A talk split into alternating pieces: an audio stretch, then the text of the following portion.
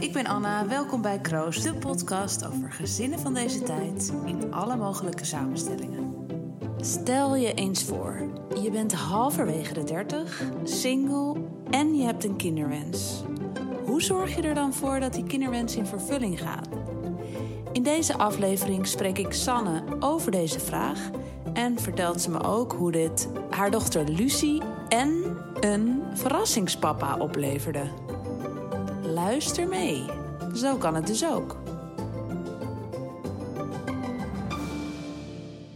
Ja, ik heb een dochter, die, ze heet Lucie en ze is uh, bijna vier. Ze is een heel vrolijk, blij, uh, nogal expressief meisje. Mm -hmm. uh, er is er één, uh, de baas in huis en dat is zij, zeg maar. Oh, ja. uh, en ik voed haar dus in mijn eentje op, want ik ben alleenstaande moeder. Hey, en toen, jij, toen jij zelf een klein meisje was, dacht je toen wel eens na over een gezin? Um, Wat zag je dan voor je? Nou, ik, ik denk dat ik voor me zag. Ik, dit is niet meer een bewuste herinnering of zoiets, maar ik denk dat ik voor me zag dat ik gewoon met een man uh, uh, kinderen zou gaan krijgen en, en een soort het, het happy family uh, plaatje voor me zou zien. Onbewust wel, want toen het dus op een gegeven moment nou ja, iets minder waarschijnlijk zou worden dat dat mijn plaatje zou worden, toen heb ik er echt erg bewust afscheid van moeten nemen, zeg maar. Dus Ja. toen was dat dus wel het plaatje wat ik heel erg voor ogen had. Ja.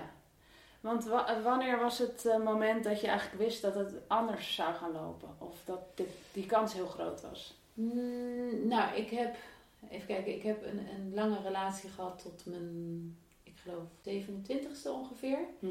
En daarna heb ik een eh, periode, was ik vrijgezel en had ik eh, nou ja, een, een leuk Amsterdams leven, zullen we maar zeggen. Ehm, en ik weet wel dat vanaf het moment dat dat uitging, dat ik toen dacht, oh, maar ik heb natuurlijk wel een kinderwens. Of tenminste, toen, toen werd dat eigenlijk, eh, werd ik me daar eigenlijk bewuster van. Ik denk dat ik het daarvoor altijd wel had, maar niet zo mee bezig was. En, en juist toen het uitging, dacht ik, hmm, dat heb ik natuurlijk eigenlijk ook nog. Ja. En Want dat je kinderen wilde, wist je wel altijd. ik denk dat ik, als je me dit had gevraagd als ik toen twintig was, dat ik had gezegd ja, tuurlijk. Maar dan wist ik eigenlijk niet zo goed wat ik zei. Nee. Zoiets. Oh ja, dus ik, ja. ik was er niet, ik, ik, ik ben volgens mij niet zo'n zo'n persoon die altijd al wist dat je dat kinderen wilde of zoiets. Ehm, maar ik ging er ja, min of meer vanuit dat het, dat, dat wel Dat het zo zou zijn. Ja. En toen was je 27 en toen ging de relatie uit en toen dacht je... ja, toen dacht ik het meer van, oh ja, god, dat, dat is er ook nog of zo. En dat is wel heel erg aangewakkerd in die tijd. Want toen nou, kreeg ik ook relaties waarvan ik eh, achteraf dacht, ja, wat, wat, wat hield dat nou in? Of, of dat had in ieder geval helemaal geen potentie tot eh, nou, een beetje stabiele, rustige relatie te zijn. Eh, en ik was ook een heel groot gedeelte alleen en, en eigenlijk op zoek. En ik, het werd wel steeds meer een onderwerp in bijvoorbeeld het daten. Weet je, dat ik elke keer van, oh god, ja, moet ik nou zeggen dat ik kinderen wil? Of eh, moet ik dat juist niet zeggen? Of, eh, nou, dan vroeg iemand anders, de, de, de, de, de man in kwestie vroeg het. En dan, nou ja, in ieder geval merkte ik van, oh, dit, dit wordt een vervelender of gevoeliger onderwerp naarmate ik ouder werd. Ja. En op mijn vijf of 36ste weet ik dat ik dacht, ja, maar nou wordt het natuurlijk echt wel ehm, prangender. En toen vond ik dat ik er echt een keer bewust over na moest denken hoe ik dit voor me zag. Eh, en toen ben ik naar Ibiza gegaan. Dus weer omdat ik nou zo'n Ibiza-type ben of... Want ik ging ook nog eens op een yoga-retreat. En dat, ik doe helemaal niet aan yoga. Maar ik dacht, Dat is een goede plek om over na te denken. ja, zoiets. Ik dacht, ja, dan ben ik in ieder geval in mijn eentje en even zonder eh, familie of vrienden. Dus ik heb ook bewust, ben ik daar, En ook niet helemaal alleen. En Nee, je hebt wel precies. iets te doen. En, eh, Ja. ja. ja, zo. Ehm, dus toen ben ik daarheen gegaan en ik weet dat ik gewoon de eerste dag op dat yogamatje zat. En dat ik dacht, ja, eh, wat doe ik hier eigenlijk? Want ik, heb, ik weet gewoon dat ik een kinderwens heb. Ehm, dus toen, En daar valt of staat het meteen mee. Want ja, dan, dan kan je dus alle beren op de weg gaan bedenken die er aan zouden kunnen komen uh, met dat idee. Uh, en tegelijkertijd, ja, uh, ik heb een kinderwens, punt. En ik weet dat ik dat daar heel erg zo bedacht heb. En dat dat ook heel fijn is achteraf geweest, omdat ik daar zo'n helder beeld van mezelf heb van, ja, maar toen wist ik het heel goed. En toen was het heel helder en, en daarmee klaar. Maar dat betekende niet dat toen ik terugkwam, dat ik het er niet nog heel lang over heb gedaan. Nee, precies. Want deelde je dit met andere mensen? Of was het iets wat zich vooral binnen jouzelf... Uh... Nee, dit deelde ik zeker. Dit, ik uh, denk dat ik het daarvoor Ibiza ook wel een, beetje met mensen over heb gehad, maar niet zo concreet. Maar na Ibiza zeker. Toen ben ik ook namelijk helemaal gaan uitzoeken hoe dan. Of eigenlijk kwam ik terug van Ibiza en toen dacht ik, nou, ik wil dus in eentje een kind. Dan ga je naar de spermabank. Uh, dus daar heb ik alles ingeleverd en ingevuld. En vervolgens dacht ik, misschien zijn er eigenlijk ook nog wel andere manieren. Dus ik stond er ook een beetje naïef in. Terwijl, nou ja, ik heb er uiteindelijk eindeloos over nagedacht. In die, nou ik denk wel twee jaar die daarna kwamen, heb ik met heel veel mensen over gehad. Vooral, eh, of zowel bekende als onbekende mensen. Mhm. Eh, en familie en vrienden, uh, tot en met mensen die het al hadden gedaan of die het eventueel een, een, een, een donorkandidaat, zullen maar zeggen, zouden zijn. Daar heb ik eindeloos mee gesproken. Na Ibiza begon jouw je zoektocht naar de manier? Ja, eigenlijk toen pas. Terwijl ik dus dacht dat dat al geweest was. dat, dat, dat, ja, ik dacht dat je er klaar was. Maar je ging dus ook echt naar de spermabank toe eigenlijk al van, nou, ja. Ah ja. Ja, ik heb me gewoon aangemeld en ik wist wel dat er een wachttijd was. Ja. Eh, want die was toen negen maanden. En daarmee denk ik ook dat ik meteen dacht, ach, mhm. weet je, dan heb ik in ieder geval nog negen maanden om erover na te denken. Dan heb ik het niet meteen, ja, is het niet over één nacht ijs gegaan. Nee, precies. Uh, dat is ook heel fijn natuurlijk. Heel fijn. Ja, en die tijd had ik ook uh, had ik nodig. Uh, want ik wilde, ja, ik wilde aan het idee wennen. Maar ik wilde ook bedenken van, ja, toch die beren op de weg. Wat, wat zijn die voor mij? En, en ja, en kan je er een paar noemen? Wat waren, wat waren de grootste of de belangrijkste overwegingen voor jou? Um, ik denk dat het belangrijkste was of ik vond dat ik kon bepalen voor een kind dat het geen vader zou, zou krijgen. Ja. Want met de spermabank heb je dus een, bij de spermabank in Nederland heb je een anonieme donor tot je zestiende. Mm En dan mag het kind zelf bepalen wat, die, wat, zij wil. ja, in mijn geval zij. Zij, ja, precies. Ja. Uh, dus dat, dat, dat ligt niet bij de donor of bij mij. Op zich vond ik dat heel fijn, want ik wilde absoluut geen geheel anonieme uh, donor. Maar ik vond het ook nogal wat om dus een kind op de wereld te zetten zonder, ja, zonder vader. En, en, en dat die vader ook niet bekend is tot ja. haar zestiende. Dus dat was voor mij echt een... Uh... Dat was echt iets waar je, waar je veel over na wilde denken. En... Ja, en daar kwam ik ook niet goed uit hoor. Want dat, dat kan ik nog steeds denken, ja... Dat is voor Lucie, dus mijn dochter, uh, niet leuk, kan ik me voorstellen. Aan de andere kant, ze weet niet anders. Ik bedoel, het is ook niet dat, het, uh, nee. dat, dat ze weet hoe het is om een vader te hebben. Um, maar ik weet nog heel goed dat ik, dat ik dacht van... Um, kijk, op het moment dat je als man en een vrouw bij elkaar bent... dan, ja, ik kan me zo voorstellen... bedenk je op een gegeven moment van... Goh, nou, willen we kinderen? Ja, tja, tja, nou ja, laten we het maar een beetje proberen. Op die manier. Ja. Terwijl ik had het idee dat ik een soort bijna een, een, een dam in een rivier moest bouwen. Van oké, dan gaan we nu dus linksom in plaats van rechtdoor. Ja. Uh, en dat voelde ik ook als een, een hele grote verantwoordelijkheid. Van nou ja, dan links, linksaf zonder vader. En een beetje zo van wie ben ik om dat te bepalen. Mm -hmm. Ja, oh, dat vind, ik vind het heel herkenbaar hoor. En ja, je moet er gewoon heel bewust een, een, een keuze overnemen, ja. over maken. Terwijl je ook wel weet dat er een heleboel andere mensen zijn. Weet je, die, voor wie dat dan maar eigenlijk gewoon gebeurt, bijna. Ja, Er ook wel een heleboel mensen zijn die zeg maar wel in een traditionele vorm zitten, die er ook Ja. heel bewust over nadenken Ja. of heel goed over nadenken van kan ik dit, wil ik dit, wat heb ik te bieden, Ja. zulke soort. eh, ja. Ja, en tegelijkertijd had ik ook, vanaf Ibiza ben ik een dagboek bij gaan houden. En in eerste instantie voor mezelf, om gewoon een beetje mijn gedachten op een rij te krijgen. En op een gegeven moment dacht ik, ik wil het eigenlijk voor Lucie, zodat ze mijn afwegingen ja, wat snapt. mooi.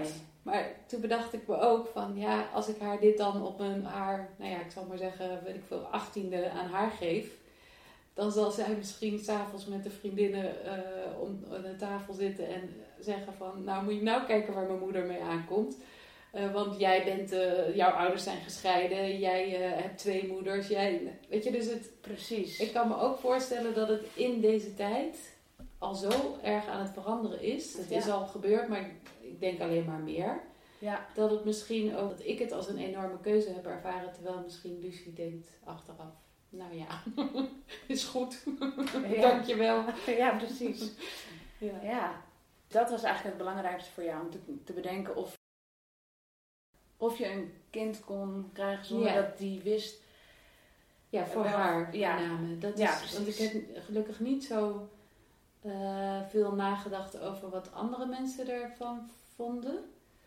En dat denk ik ook echt omdat ik alleen maar positieve reacties heb gehad. Eh, Mijn, mijn ouders, mijn, mijn zusje, mijn, nou eigenlijk iedereen, vrienden. eh, Iedereen die zei alleen maar iets in de trant van stoer of, of eh, knap Ja. of sterk of eh, nou, dat soort dingen. Maar niet van, goh, nou, zou je dat wel doen? Of, Oké, dus je werd echt aangemoedigd. gewoon, je kreeg steun vanuit de Ja. omgeving. ja. ja, ik heb ook nog nooit, ook sinds Lucie er is, heb ik eigenlijk nog nooit iemand gehad die zei, nou, dat is ook wat. Iets negatiefs. Nee, nooit, oh, eh, wat bijzonder eigenlijk. Toch? Ja, ja, ja, Ja, Ik denk ook dat het misschien wel komt door Amsterdam. dat zou kunnen. Dat, dat, eh, ja, ik denk dat mijn probleem een beetje in Amsterdam lag van het niet eh, vinden van een relatie in, in, in In Amsterdam. die zin, ja. precies. Precies, dat is daar ook aan gelinkt natuurlijk. Ja, maar de oplossing ligt er ook. Want ik denk dat, dat Ja. ja. over het algemeen er hier wel tolerant wordt nagedacht. Ja. Ja.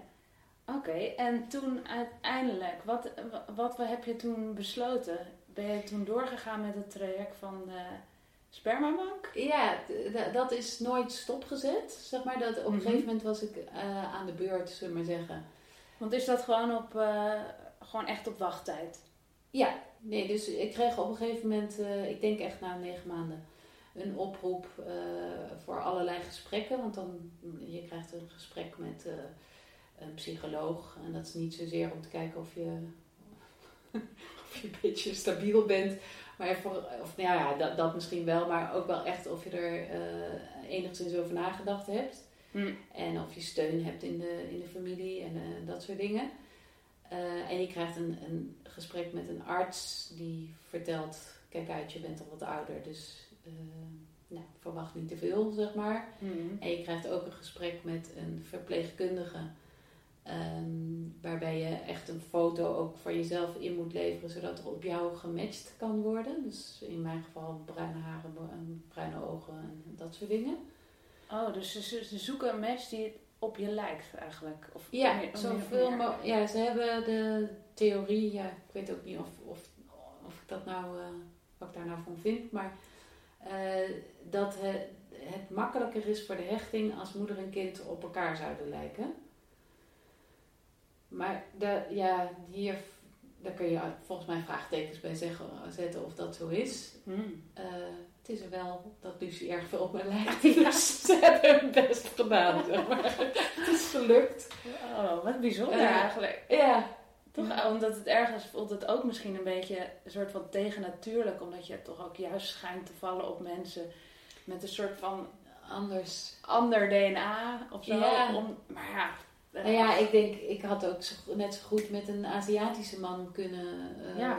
eindigen, zullen we maar zeggen. En dan hadden mijn kinderen ook minder op mij geleken. ja, Ehm, maar goed, ik, de, de- de- dit, zo doen zij het. ja. Ehm, En even kijken, na negen maanden kreeg ik dus de, de uitnodiging om op gesprek te komen. Ehm, en volgens mij heb ik, ben ik die gesprekken ingegaan, maar heb ik het daadwerkelijke uh, ja, insemineren, zeg maar, heb ik dat nog toen even mee gewacht. Want toen had ik ook weer even een, een, een, nou ja, een halve relatie, zullen we maar zeggen. Mhm. Waarvan ik toch wilde weten waar dat heen zou gaan.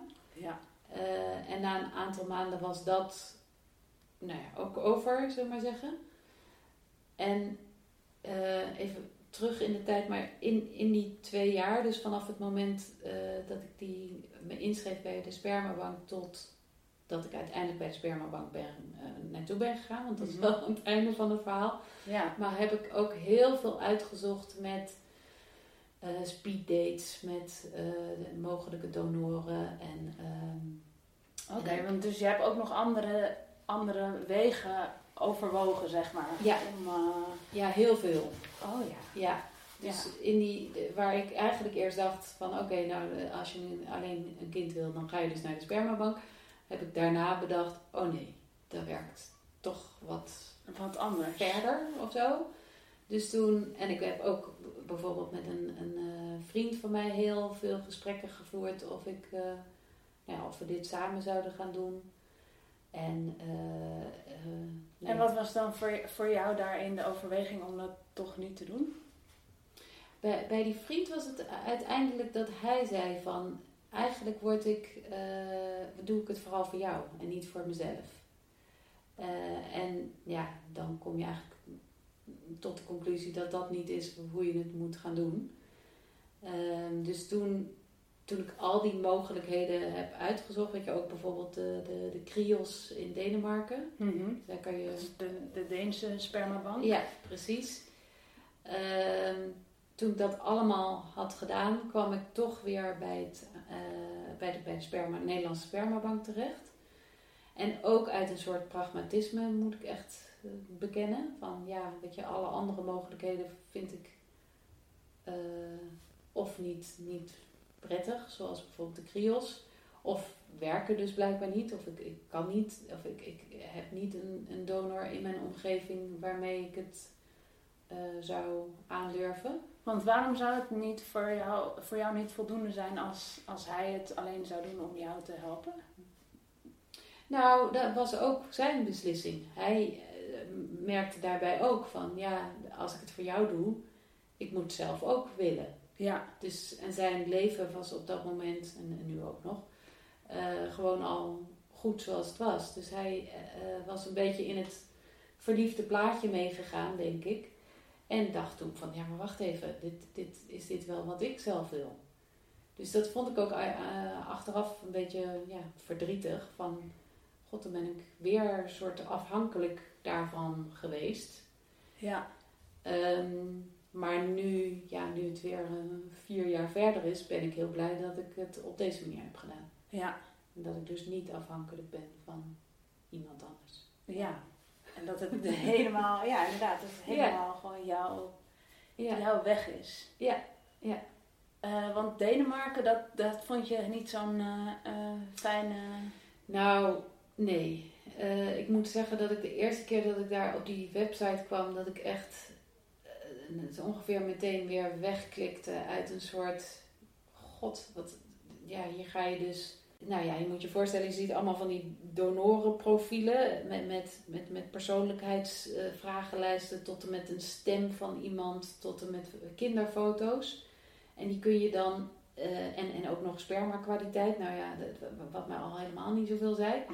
Maar dat, en dat zet je dan, dan heb je ja, een soort winkelwagen. Winkel, ja, een winkelmandje in de vorm van een uh, kinderwagen. Dus dat sleep je daarin en dan komt dus het sperma naar uh, jou thuis. En dan kun je dus uh, jezelf of bij een kliniek insemineren. Nou, ik vond het gewoon een hele rare website. Ja. Maar toen ik er eenmaal aan gewend raakte, dacht ik, oh ja, nou ja, dit, dit kan eigenlijk ook een mogelijkheid zijn. Um, en toen vond ik vooral dat het een soort schijncontrole gaf. Ehm, Al die opties bedoel je? Die, die, Ja. ja. Want dan moet je dus gaan nadenken van... Oké, wil ik dus iemand die, nou, ik zeg maar wat, intelligent is en een, en een hele eh, goede carrière heeft? Of moet je kijken naar een, een, een hele lieve, leuke kinderfoto? Of, nou ja, ik, ik, dat Ja. vond ik een hele, ja, ook bijna een niet-ethische beslissing om te moeten maken of zo. Ik dacht, Ja, want het gaat wel ook over om- je kind eigenlijk. Hè? Dus het, Ja, en tegelijkertijd vond ik dat dus er een beetje eng aan. Van, Ja. Ga je dan alleen een hele knappe kop? En dan, Ja. nou, ik... En toen ben ik dus uiteindelijk bij, het, bij eh, de Nederlandse spermabank eh, terechtgekomen. En daar krijg je niet, niet, niks meer dan de kleur van iemands ogen, de kleur van iemands haar en de lengte, geloof ik. En ik dacht, ja, weet je, laat zij maar voor mij beslissen. Dat vind Ja. ik eigenlijk. Ja, laat iemand het maar bepalen en niet ik. Want je zou ook kunnen zeggen, dat lijkt me juist eng. Ja, dat was super. Het was En het is natuurlijk ook afsch- Ja. vreselijk eng. Ik vond het Ja. uiteindelijk eh, doodeng om te, te springen, zeg maar. Om Ja. in het diepe te springen. En toch paste dat dan beter bij mij dan eh, dat ik eh, ging kijken naar al die kenmerken en die dan in een winkelmandje stoppen. Ja, dat lijkt me ook een hele, hele gekke combinatie van wat je voelt en, Ja, en wat je allemaal denkt. En Ja. wat de, en wat het moet zijn of wat het Ja. niet moet zijn. Nou, dat, dat, en, en het wordt ook zo beoordelend. ja. Eh, dat ik dit dus heb gedaan. Maar eh, tegelijkertijd, dit vond ik dus doodeng. Want ik dacht, ja, het kan net zo goed een PVV-stemmende... Nou, iemand die niet bij mij past Precies. zijn. Dat zou kunnen, ja. Ik heb nog nooit iemand, of de vader van Lucie, in zijn ogen gekeken. Dus ik, ik zou niet weten wat het voor man is. Nee. Maar ze wel eens Lucie is erg leuk. Ja, je denkt leuk. Dus, dus je denkt eh, dat... Ik kan me niet voorstellen dat dit geen leuke man is. Dat, dat, dat weet ik echt bijna 100% zeker. En ik denk zelfs, maar goed, dat is misschien eh, eh, eh, heel subjectief, maar dat hij het ook jammer vindt dat hij Lucie niet leert kennen. Want, of tenminste tot haar zestiende. Ja. Omdat ik denk dat het een man is die dit erg leuk zou hebben gevonden. Oh, wauw. Wat mooi, toch? Ja, nou ja, dit Ja. is... Ja, ja. Ja. Inmiddels weet ik trouwens meer van hem. Hè? Dat, dat krijg je Oh, is op dat een zo? gegeven moment te horen. Ja. Dus je, eh, nou in mijn geval na dat Lucie drie maanden was, dan kun je bij eh, de Stichting voor Donorkinderen kun je gegevens opvragen. Mhm. Eh, en van tevoren dacht ik, oh, ik weet niet of ik dat nou wel ga doen. Maar in mijn nou, roze wolk, of hoe je het wil noemen, dacht ik, nou kan me niks meer schelen. Ze is Ook hier al is het een. PVV, ja, precies. Ehm, dus toen heb ik dat opgevraagd en dan krijg je niet, niet een naam en een telefoonnummer natuurlijk, maar wel eh, wat voor beroep en eh, een, een, een Big Five per- personality eh, vraaglijst, zeg maar. Dus een beetje de, Ja. de belangrijkste persoonstrekken. Ja. Ehm, die krijg je er ook bij. Oh. En een, een soort motivatiebrief, zullen we maar zeggen. Oh, oh, dat is ook wel bijzonder. Ja. En wat was zijn motivatie? Wat ik het belangrijkste uit die brief eigenlijk vond, is dat hij zei dat hij het gewoon heel erg leuk zou vinden om eh, eh, Lucie in dit geval te leren kennen. Want ik dacht, ja, dat maakt voor al- als Lucie 16 is meteen de drempel die toch heus hoog zal zijn. Of dat zal in ieder geval spannend zijn, denk ik. eh, voor haar laag. Weet je, dat, Dat gaat haar helpen, of ze het nou wil of niet. Dan... Precies, dan heeft ze niet ja. een, een, een, dat ze al weet van nou hij wil het eigenlijk liever niet. Eh, nou, zal ik het dan wel doen of niet? Mhm. Oh, dat is heel Dat, fijn, ja. dat vond ik eigenlijk gewoon het belangrijkste. En de rest wa- was een hele leuke, lieve brief. Ja, een hele aardige, vrolijke toon. Ah, wat leuk. ja. En vraag je je wel eens af, heb je wel eens dat je denkt, dat zou hem kunnen zijn? Ja, ik heb eens een keer in een boekwinkel gestaan en, uh, in, in de rij van de kassa. En toen was er een man waarvan ik dacht, goh. Nou ja, ik kreeg, ineens zo'n zo, zo'n vibe. Ja, ik weet niet, is raar uit te leggen. En toen vroeg hij ook nog allemaal om boeken binnen zijn beroep, waarvan ik dus weet dat hij dat is. Dus toen dacht ik, ja, het zal toch niet? En dat was het. Ik bedoel, ik, ik ben hem niet achtervolgd of zo van, hé, uh, hey, ben jij toevallig... Uh, nee, je hebt daar bij, bij, de spermabank. Nee, maar dat, maakt wel indruk, kan ik me voorstellen. Ja, ja. Maar en tegelijkertijd denk ik ook, ja, ja. wat heb ik eraan om te weten? Want, zo, zo. of tenminste, ik, ik vind het echt aan Lucie. Ja. ik zou het bijna niet zo, ja, bijna niet eerlijk of zo vinden als ik het eerder zou weten dan zij of iets dergelijks. Ik vind echt dat zij dat. Uh, dat is haar. Dat is haar keuze, is haar ja. beslissing en die kan zij ook nu niet maken. Ik bedoel, als ik nu tegen haar zou zeggen: Wil je jouw, uh, ik noem het vaak verrassingspapa, wil je jouw verrassingspapa zien? Ja, dan zal ze heus ja zeggen. Want, maar ik weet niet of ze dat achteraf ook zou hebben gewild. Dus ik vind eigenlijk die leeftijd lijkt me wel goed of zo. Dat, ja. dat je dan. Ja, en dat die optie er is, is natuurlijk heel fijn. Ja, dat vind ik. Uh, dan, anders had ik het ook niet gedaan.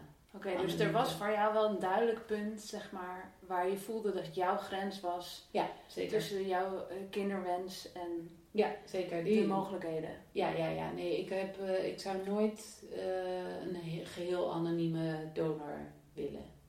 Ik zou het heel fijn vinden voor Lucie dat ze ja, dat ze uiteindelijk zelf kan kiezen of zij haar vader wil leren kennen, ja of nee. Mm-hmm. En je noemt hem dus verrassingspapa. Wat, wat een goede term. Ja, maar dat is uh, ontstaan doordat mijn nichtje, die was toen vijf, dus het uh, kind van mijn zusje. Mm-hmm. En die vroeg op een gegeven moment van, goh, uh, ja, waar is eigenlijk de papa van Lucie? Of, of die heeft geen papa, of nou ja, zoiets. En... Um, toen ging ik het een beetje uitleggen van ja, nee, dat komt dan al als ze 16 is. En toen zei zij van, oh, dat is nog een verrassing.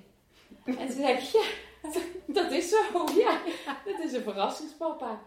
Nou ja, en waarbij het voor haar ook ineens iets werd van, oh leuk, die wil ik ook wel. Ja, en sindsdien zeg ik dus uh, vaker tegen, zowel tegen Lucie als tegen uh, kindjes die er naar vragen van uh, Lucie heeft een verrassingspapa. Ja. Ja. ja. Je vertelde net al dat je omgeving eigenlijk allemaal heel goed reageerde.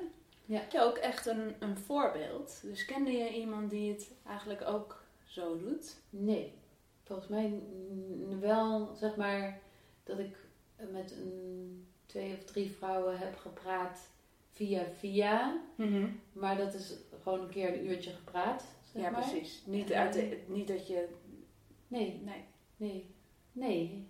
Heb ik niet. Uh, maar ook geloof ik niet echt behoefte aan gehad. Nou ja, wel dus die verhalen van. Goh, hoe is het en, en uh, wat zijn jouw beren? Zeg maar, dat, dat wilde ik wel weten van die vrouwen met wie ik het toen over heb gehad. En, en de beren, daarmee bedoel je wat de overwegingen waren? Of, Ja. of hoe het is om uh, Ja, alleenstaande moeder te zijn? Allebei eigenlijk. Ik had met die vrouw had ik bijvoorbeeld eh, gesprekken over. ehm, ja, wat vind je ervan dat je niet alle leuke momenten meteen kunt delen met iemand? Of eh, eh, de juiste moeilijkere beslissingen? Of nou ja, dat soort vragen.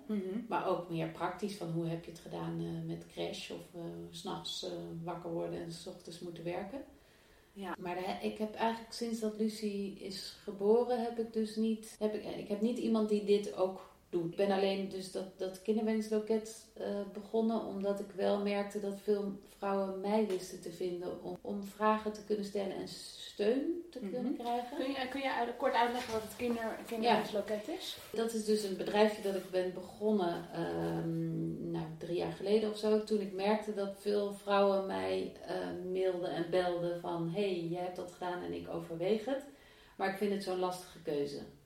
Nou ja, dat begreep ik natuurlijk helemaal. En eh, toen ging me dat zoveel tijd eigenlijk kosten... ehm, met s'avonds met vrouwen bellen of langskomen... dat ik dacht, ja, en ik ben ook psycholoog... daar kan ik misschien toch een, nou ja, een bedrijf van maken. Ja. Uh, en dat, uh, dat doe ik dus sindsdien. En uh, dat zijn ja, eigenlijk ontzettend leuke, nou, vooral interessante gesprekken. Dat, doe dat is heel wezenlijk. Ja, ja, doe het ook omdat ik het en heb meegemaakt. En tegelijkertijd heeft iedereen weer zijn eigen afwegingen en zijn bedenkingen en, en vragen. Ehm, ik vind het, ja, dus is misschien gek om te zeggen, maar ik vind het allemaal hele leuke vrouwen. Het zijn altijd mooie gesprekken die dat uh, oplevert. Ja. Het is ook niet alleen, denk ik, dat zij er wat aan hebben, maar ook dat ik het, uh, ja, ik vind het gewoon hele bijzondere verhalen vaak. Ja. Maar ik heb dus niet iemand die ik nu als een soort uh, nee. in mijn omgeving of iets dergelijks. En dat hebben wel eens mensen tegen mij gezegd: van is dat niet fijn ook om, nou ja, ik wil wat, wat wederkerigheid in, in, in uh, opvang of, of elkaar uh, helpen. Ja, ik, ik, merk gewoon, ik, ik, ik zoek er niet naar of ik, ik, ik hoef het niet per se. En dat is denk ik ook omdat ik mezelf niet zo heel anders voel dan nee. een andere moeder. Ik, ja.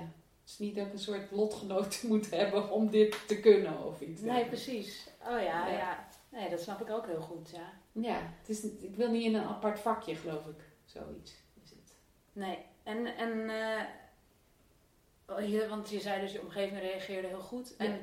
en uh, de crash of de buurt of scholen of... Echt, ik heb nog nooit een vervelend uh, incident of iets, niks. Er, iedereen die is, is van wauw, oh goh. Ja, ik vind het allemaal eigenlijk heel erg leuk. En mijn ouders spelen bijvoorbeeld ook echt een, grote rol. Die uh, passen elke week een nacht en een dag op. Uh, en dat vind ik ook heel leuk om te zien. Weet je, die hebben echt een hele leuke band met, met Luus. Um, en, en vreemden, ja, die, zeggen meer van, goh, nou, wat, wauw, wat, knap, wat dapper.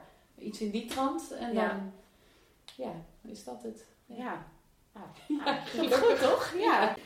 Eh, en eh, je zegt dus je ouders, die, die spelen wel een, een, een rol. Ja. Eh, heb je meer mensen die je echt veel helpen?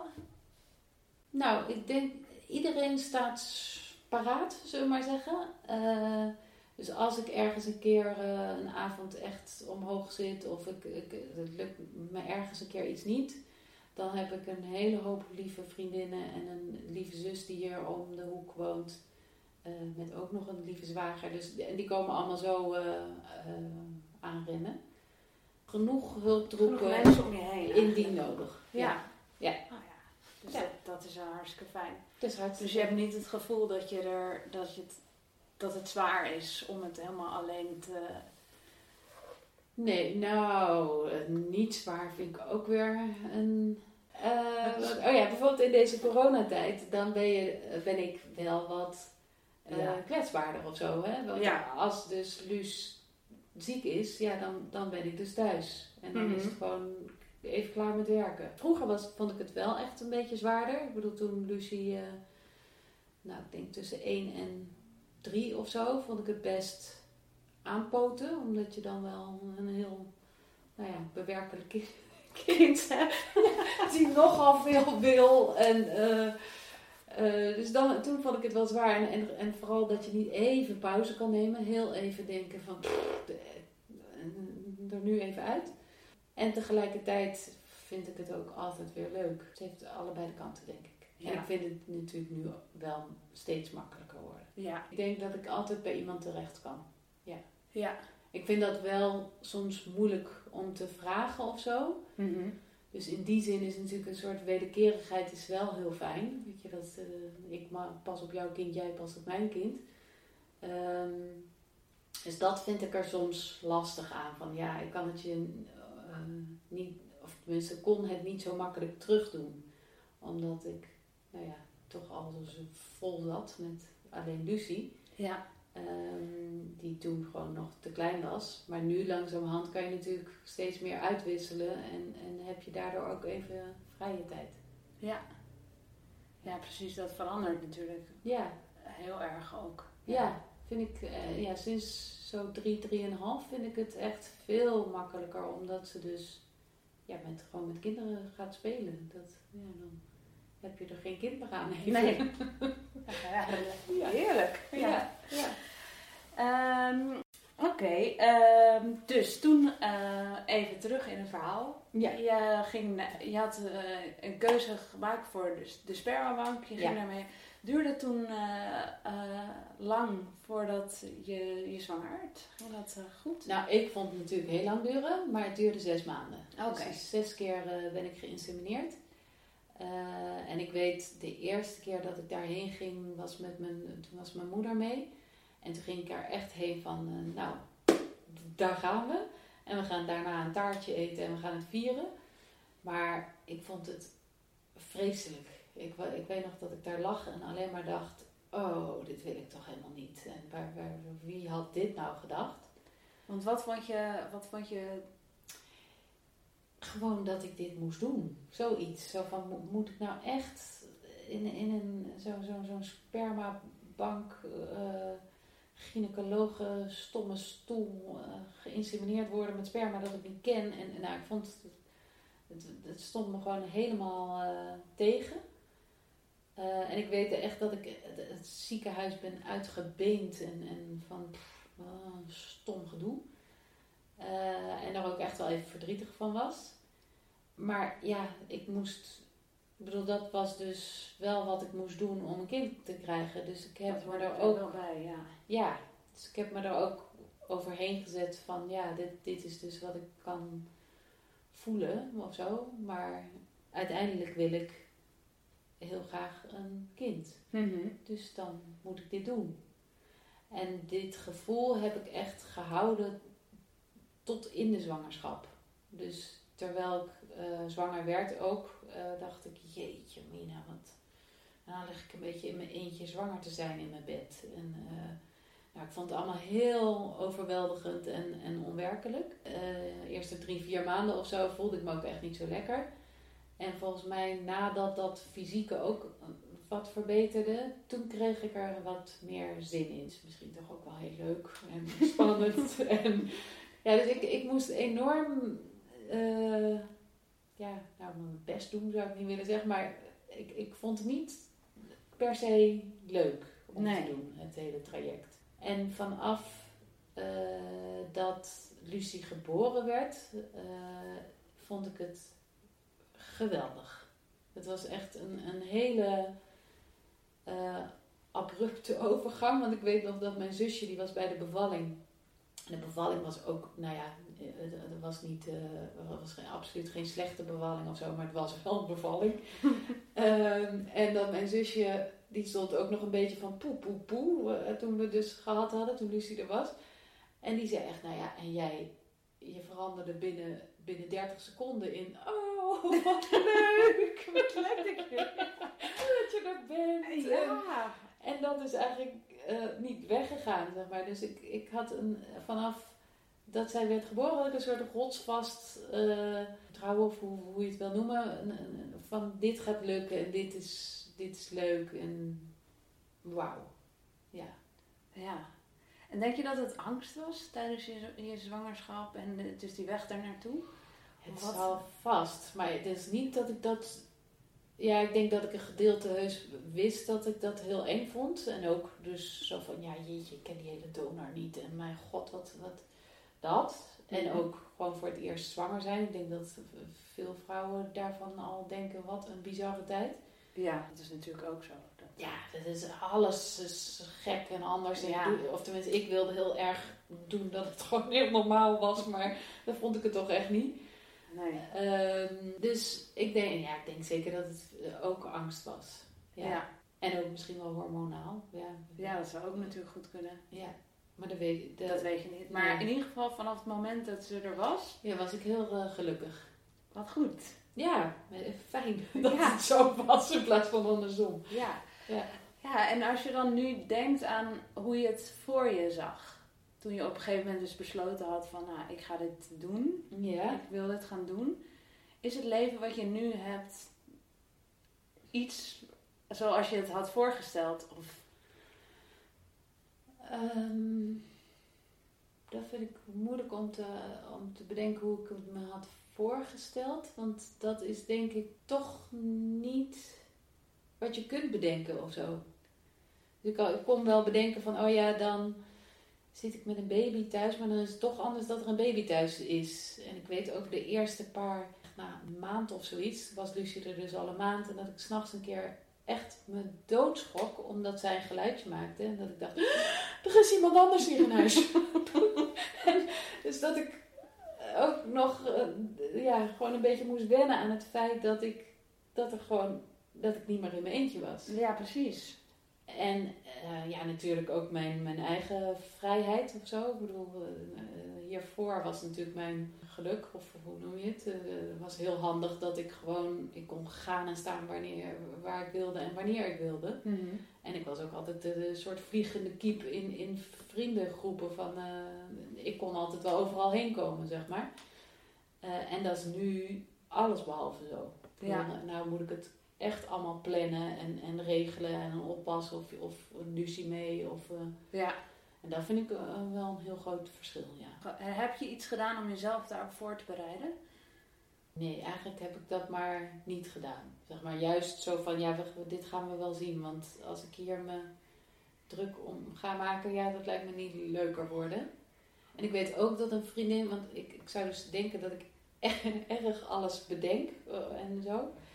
En toch was dat een keer een, een, een, vriendin tegen mij zei van ja, maar vind je het dan niet heel uh, soort beangstigend dat je elke avond alleen of, uh, op de bank zit en dat je dus ja, dan niet ergens heen kan. Dat ik echt dacht, goh, ja, dat had ik nog niet dat is, dat is zo, ja. Ja. Dus ik heb ook een rare manier van denken, geloof ik. Oh ja. Het ene denk ik helemaal uit en het andere denk ik echt, oh ja, goh. En wat ik wel vind tegenvallen, maar dat is denk ik ook uh, mijn karakter, is het plannen. Ik ben heel goed in plannen en organiseren en zo. Um, maar dat is bijna een tandje erger geworden. Ik heb gewoon nog nooit zonder melk in huis gezeten, zullen we maar zeggen. Maar dan kan ik dus ook helemaal gefixeerd zijn op het feit dat ik nog wel melk moet halen. Of iets dergelijks. En dat vind ik er ook wel een beetje jammer aan. Weet je, dat, ik, ik word wel erg, ja, ja. erg georganiseerd. Oh ja. het gaat, ja, precies. Het is allemaal bedacht eigenlijk. Ja, want ik, in het begin dacht ik, ja, maar je kan, je kan toch niet met een, een kind s'nachts nog uh, even melk gaan halen bij de avondwinkel of iets dergelijks. En ja, dat kan natuurlijk eigenlijk wel. Ik bedoel, als het moet, dan moet het. Dat soort dingen, ja, die timmer ik dicht. Zeg maar. En dat, dat vind ik soms wel de spontaniteit weghalen, zeg maar. Ja, nou, maar ik kan me voorstellen dat het ook heel veel rust geeft. Ja. Gewoon als allemaal van dat soort dingen gewoon ge, geregeld zijn, ja. dan heb je wel ja. de aandacht gewoon voor je werk, voor je kind, voor je ja. omgeving. Ja, nee, dit is ook mijn, mijn uh, nou ik wil niet zeggen redding, maar het is ook heel handig dat ik het uh, dat ja. ik goed kan organiseren en, en een, een hoop ballen in de lucht kan houden. Um, maar het is iets minder leuk. Ja. Maar ik heb bijvoorbeeld met Luus heb ik het dus ook, uh, weet je, bijvoorbeeld met, weet ik veel, voedingen toen ze baby was en, en dat soort dingen. Oh, ja. Was ik ook enorm van de structuur. dat, uh, mijn vader noemde me altijd de generaal. maar ja, het zorgde ervoor dat ik dus tussen die voedingen wist, nou, nou heb ik nu dus vrij. Ja. Of zo, of dan kan ik even wat anders doen. Ja, precies. Ik wilde dat ook wel een beetje mijn eigen uh, dingen kunnen blijven doen. Ja. en nu heb ik een generaal teruggekregen. ja. ja, want zij bepaalt. Uh, ja, zij bepaalt een hele hoop. Ja. Ja, je zei net al uh, de, dat je zus bij de bevalling was. Ja. Dat moet heel bijzonder geweest zijn. Ja, uh, ik denk meer bijzonder voor haar dan voor mij. Had, zij, had zij zelf al eens een keer een bevalling mee? Ja, ja. Zij, uh, ze had al een, een, dochter en zij was op dat moment ook nog eens zwanger van een tweede dochter. Dus het is voor haar en denk ik bijzonder geweest en zwaar. Want ze had ook echt een, een, een hele vervelende bevalling met heel veel, ontzettend misselijk. Um, en ik vond het heel fijn dat zij er was. dus ik, ik zou geloof ik ook niet willen dat ze er niet was. Ik heb ook, ik ben helemaal in zo'n, ja, hoe noemen ze dat? Zo'n zo'n hyperfocus of zo gegaan. Ja. In, in zo'n tunnel. En ik heb dus ook bijna niet doorgehad dat ze er was.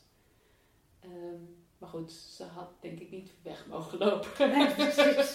precies. Dit- dat, was, dat was ook nodig voor jou om in die tunnel te kunnen Misschien zitten waarschijnlijk. Ja, Ja. ja, precies. Vond je het dus helemaal leuk? Ja, ik vond het eh, hartstikke leuk. Ja, ik vond het enorm gezellig en ook ja, bijna een soort, ja, ik vind het wel raar om zeggen, maar een beetje een project. Ik vond het gewoon heel leuk om het allemaal zo met haar te doen. Van eh, haar te leren kennen en zij mij en, en die hele structuur van eten en, en, en slapen en dat soort dingen. En ja, ik heb eh, enorm Heb je toen extra, eh, wat extra tijd vrijgenomen? Of... april of zo weer begonnen. En in december beviel ik. En ik had ook nog wat kerstvakantie en dat soort dingen die ik eraan vast kon plakken. En dat vond ik, ik had helemaal geen zin in beginnen. Terwijl ik ook heel erg veel zin had in, eh, ja, gewoon wat meer tijd voor mezelf. Weet je, gewoon even cappuccino ergens gaan drinken zonder iets te hoeven. Maar ik had nog niet zoveel zin in werken toen. Er zijn natuurlijk ook vrouwen die dan zin hebben van ah, eindelijk weer nadenken en iets anders. Maar dat had ik niet per se. Ik vind mijn werk leuk, dus eh, dat, dat kwam zeker terug. Ja. Als je nu, als je nu kijkt naar je, je leven met Lucie eh, en je vergelijkt het met traditionele gezinnen. Je zei al een beetje van eigenlijk zie, voel ik me niet per se heel anders. Nee. Maar zijn er dingen die je, die je ziet als heel duidelijke voordelen Van mij? ja, van jullie situatie, zeg maar zo? Nou, het niet hoeven overleggen over dingen. Eh, ik hoor van vrienden wel van ja, dat ze vaak een soort ja, continue overleg van doe jij eh, vandaag de kinderen of weet ik veel, iets in die trant. Dat soort dingen. Ja. De boodschappen. Ja, de bo- ja, iets. dat- Eh, en daar, daar ben ik natuurlijk helemaal niet mee bezig. Ik, bedoel, ik doe het, klaar. Ehm, de generaal en de moeder. Ja. in ja, ja. Ja, dus ik, eh, ik doe de boodschappen, ik doe de, de huishouden, ik kook, ik eh, doe het Lucie, breng ik naar school. Ja, dat is veel, maar het is ook heel duidelijk. Ja. En het is denk ik ook heel duidelijk voor Lucie. Ik denk dat we een hele leuke, of dat weet ik zeker, een hele leuke band hebben. Of, eh, wij we kunnen heel goed samen. En natuurlijk ook dat zij het eh, bloed onder mijn nagels eh, vandaan had en andersom. Maar over het algemeen gaat het, ja, is het heel leuk. We hebben heel veel lol. Ja, en dan zie je ook nadelen. Dat is natuurlijk beetje... Ja, maar die, ja, zeker ook. Ja, nou ja, de- wat ik net zei, van eh, niet even een pak melk makkelijk kunnen gaan halen. Want inmiddels kan ik natuurlijk heus met haar naar de supermarkt lopen. Ik vind het altijd wel meer toestand als zij mee is dan eh, dat ik zelf even snel heen en weer ren. erin en eruit. eh, Ja. ja. Nee, dus dat is een, eh, een nadeel. Nou, ik vind het. Ja, ik, ik kan niet zeggen of ik dat nou echt een nadeel vind, maar het, het gevoelige punt blijft bij mij ook wel wat Lucie ervan vindt dat ze geen vader heeft. Mhm. En daar heeft ze nu niet een mening over, of, of ja, dat, dat zegt ze niet, zeg maar. Maar ik hou het wel in de gaten of zo. Of ik, ik, Ja. ik bekijk het als bijvoorbeeld een kindje in de zandbak zegt van... eh, waar is je mama? En dan wijst ze naar mij. En dan waar is je papa? En dan, dan zegt ze, ik heb het niet. En dan probeer ik daar dus wel een beetje uit te halen van... Goh, en wat vindt ze daar dan van? Ehm, maar vooralsnog is dat eerder mijn gevoelige plek dan dat het bij haar nog is. ja. Want hebben jullie het daar samen wel eens over? Ja, bij de, eh, het ziekenhuis zeggen ze ook echt wel van, eh, en daar sta ik helemaal achter, van zeg het meteen, bij wijze van spreken als ze een, een baby is. Dus ik weet echt dat ik dat op een gegeven moment zo, terwijl ze daar in een heel klein wiegje lag, eh, het, het hele verhaal heb verteld. En de reden daarvan is eigenlijk dat, het, eh, dat ze zeggen van, ehm, het moet niet een... Of het, het is niet zo goed om het als een soort, nou, nou gaan we even zitten en dan krijg je maar wat te horen eh, verhaal wordt. Maar dat ze het zo langzamerhand een beetje meekrijgt. En dat het dus ook niet meer in mijn stem van, oh, nou, nou, nou moet ik iets heel moeilijks gaan vertellen. Maar dat ik daar ook een beetje gewend aan raak. Van, nou, dat, dat vertel ik dus. Ehm, maar ik vind het soms ook wel moeilijk om uh, de goede dingen te vertellen, omdat ze nog zo weinig snapt. Ja. Want als je het echt wil vertellen, ja, dan moet je dus eerst gaan vertellen wat er allemaal voor nodig is om een kind te krijgen. En dat, dat zegt haar nog niks. Dus dan wordt het een beetje een, een soort vaag verhaal van, nou ja, en ik wilde graag een kindje en toen ben ik naar het ziekenhuis gegaan. Ja, en daar komen dus kinderen vandaan volgens Lucie, weet je. Dat, ja, ja. het is ook een beetje moeilijk om, om te vertellen hoe het echt zit binnen haar begrip. Mm Maar ik vertel het dus wel. Ja, ja wat er vertellen. Soms gewoon op een, een... En je hebt er dus wel heel duidelijk ook een beeld van hoe je, hoe je dat wil doen. Alleen hoe dat in de praktijk uitwerkt is dan misschien... Ja, nee, ik wil helemaal daar open over zijn. Of, of eerlijk, of hoe, hoe je het wil noemen. Ja. Um, ja, dus dat, dat weet zij ook. Ja. Ik had bijvoorbeeld laatst toen vroeg, toevallig twee keer achter elkaar vroeg een kindje van, aan mij uh, of Lucie geen papa had. En dan zit Lucie erbij en dan vind ik hem eigenlijk nog moeilijker, want dan ga ik zo tegen dat kindje zo zeggen nee en dan zoiets als gek hè. Terwijl ik dan denk, ja wacht even, dan moet ik helemaal niet ja, dan ben ik het aan het invullen sowieso voor het kindje, maar ook naar Lucie is dat niet leuk. Dus ja, eh, maar dan probeer ik me te verplaatsen in dat kind. In het kind, ja, kind natuurlijk, dat snap ik ook. Ja. ja, maar dat kind, ik heb ook wel eens hier, uh, kwam er een, een buurmeisje op het bed springen en die zei, hey, uh, is er hier geen papa? En dan ik zei nee en, en, en me als grap zetten voor het hele verhaal.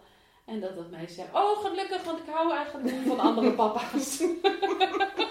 dus ik dacht, oh nou, zo simpel kan het ook zijn. Ja. Dus ik denk dat, dat ik, en, en misschien ook gewoon is dat een beetje mens eigen, maar dat je, dat je daar makkelijk een uh, soort een, een label op plakt van gek of, of raar of anders of zo. Terwijl een, ja, Lucie in ieder geval, die, die, die neemt het voor wat het is. Ja, zij is niet anders gewend natuurlijk.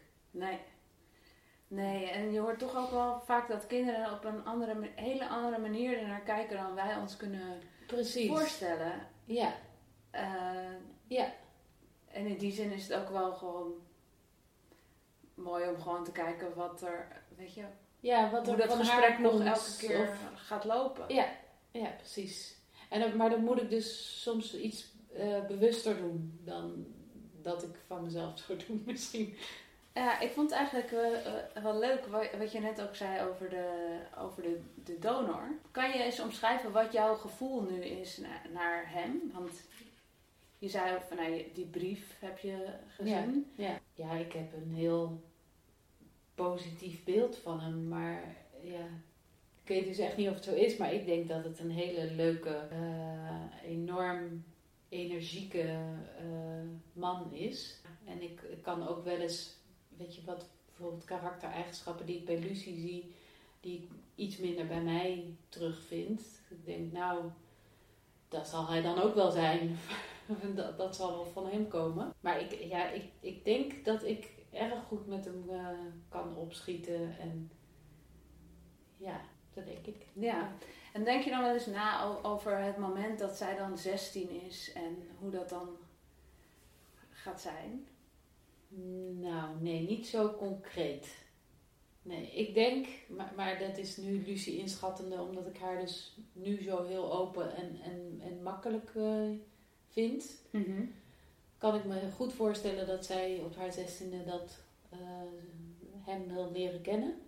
Ja, en dan kan ik alleen maar hopen dat het ook heel erg leuk wordt. Dat ze er wat aan heeft om hem te leren kennen, zeg maar. Mhm. En geven ze ook uh, iets van openheid over bijvoorbeeld of er nog andere kinderen zijn?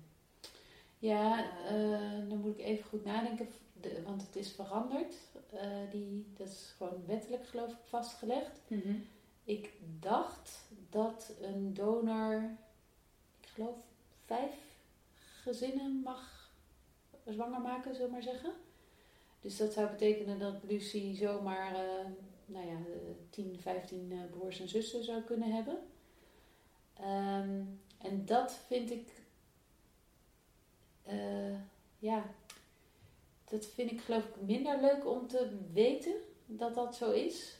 En dat heeft denk ik te maken met een soort, eh, ja, wij zijn met z'n tweeën en dan zou dat, zouden we deel maken, of zij deel uitmaken van nog veel meer of Mhm. zo. Dat, Ja. dat voelt een beetje, ook een beetje van dit is, van, dit is ons wereldje. Ja, en dan is, is er dus ja. nog een Oh grotere wereld. wat je bedoelt.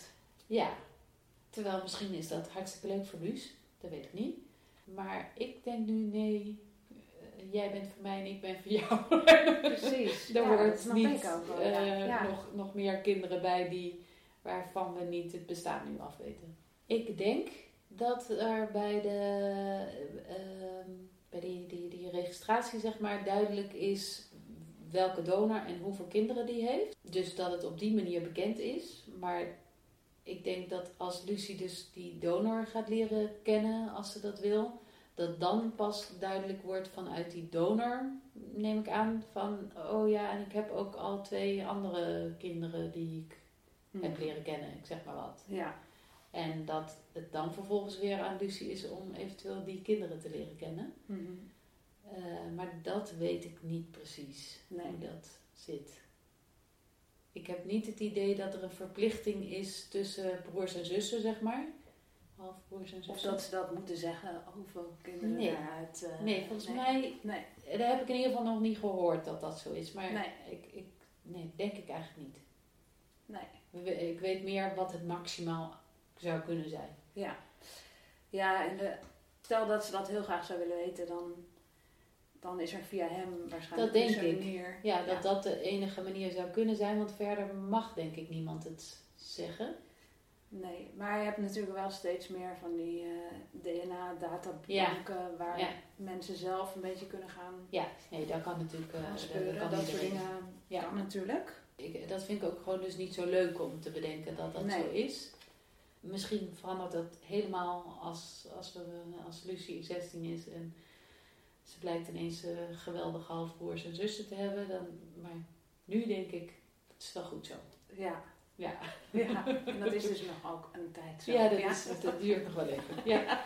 Heb je eh, nog eh, specifieke dromen voor, voor, voor jullie gezin? Ik ben nog bezig met eventueel een tweede kindje. Maar dat gaat allemaal niet zo makkelijk. Ik ben nu 42. En Mm. in Nederland is het geregeld dat je wettelijk tot je 43ste eh, via een spermabank eh, zwanger zou kunnen worden. En tot nu toe is het bij mij allemaal de inseminatie zeg maar heel... Ik heb alleen maar ICI en IUI, als je dat je wat zegt. Niet precies. Nou ja, dat zijn zeg maar behandelingen waarbij er niet, geen, geen medische toestand eh, aan te pas komt. Oké. En hierna zou dus wel, dan zou het ICSI of IVF eh, worden. Oh ja, maar dan wordt het echt een ander verhaal. En dan wordt het een ander verhaal. Eh, dus daar ben ik over aan het denken of ik dat zou willen. Ehm, en daar kom ik tot nu toe nog niet zo goed uit, omdat ik het aan de ene kant heel erg leuk lijkt om, om, nou ja, om gewoon een, een- nog een tweede kindje te hebben en een broertje of zusje voor Lucie die helemaal verwant is. Hè? Want het is dan dus van dezelfde donor. Oh, wat mooi. Ja, en dat is, vind ik een extra leuk iets. Ja. Omdat ik in deze situatie zou ik dat ook nou ja, extra fijn vinden voor, eh voor Luus. Dat er nog iemand is met precies dezelfde situatie. Tegelijkertijd denk ik dus ook wel eens van ja, maar en ik heb het ook al heel erg, we hebben het zo leuk samen. Dus ik ben ook gelukkig met hoe het nu is. Dus ook denken, en als het niet zo is, dan denk ik ook dat ik het goed vind. Maar ja, dat, dat weet ik nu niet zo goed. Nee. Dus dat, Dus dat is zo- zo'n groot iets Ja. wat je niet kunt bedenken. Ik denk ook heus wel eens van, eh, joh, zo'n tweede kind in mijn hemel, in mijn eentje, eh, weer die nachten en dan ook nog 's ochtends een, uh, Lucie rond hebben Ja. lopen. Dan had je eigenlijk altijd al een beetje het idee van, nou, misschien één of twee. Nee. Of, eh, eh, dat Nee. is iets wat opeens toch nou, weer- opeens, ik weet dat mensen het na een jaar al gingen vragen en dat ik dacht, sorry, nee, eh, zeker niet. Ehm, en dat het bij mij zo rond dat Lucie 2,5 of zo was, dat ik dacht, nou, wie weet, toch wel. Het was dus niet in eerste instantie dat ik zeker wist, oh ja, ik wil twee kinderen. Maar dat is meer zo langzamerhand gegroeid van, oh ja, is wel heel leuk, nog eentje. Ja. Ah ja. ja. Ja. Dus dat is... Dat weten we niet. Nou, Dankjewel. Ja, heel leuk. Dat was het verhaal van Sanne, Lucie en de verrassingspapa. Ben je nou benieuwd naar meer? Bijvoorbeeld naar het kinderwensloket van Sanne? Ga dan even naar de Kroost website. Daar vind je alle informatie. kroostpodcast.com Je kunt ons helpen door je te abonneren op deze podcast. Of door lekker veel sterretjes te geven. Ben jij of ken jij ook iemand met een bijzonder gezin of bijzonder kroost en wil je je verhaal delen via deze podcast? Dat kan. Mail dan naar aangenaam.kroostpodcast.com. Bedankt voor het luisteren. Tot de volgende keer.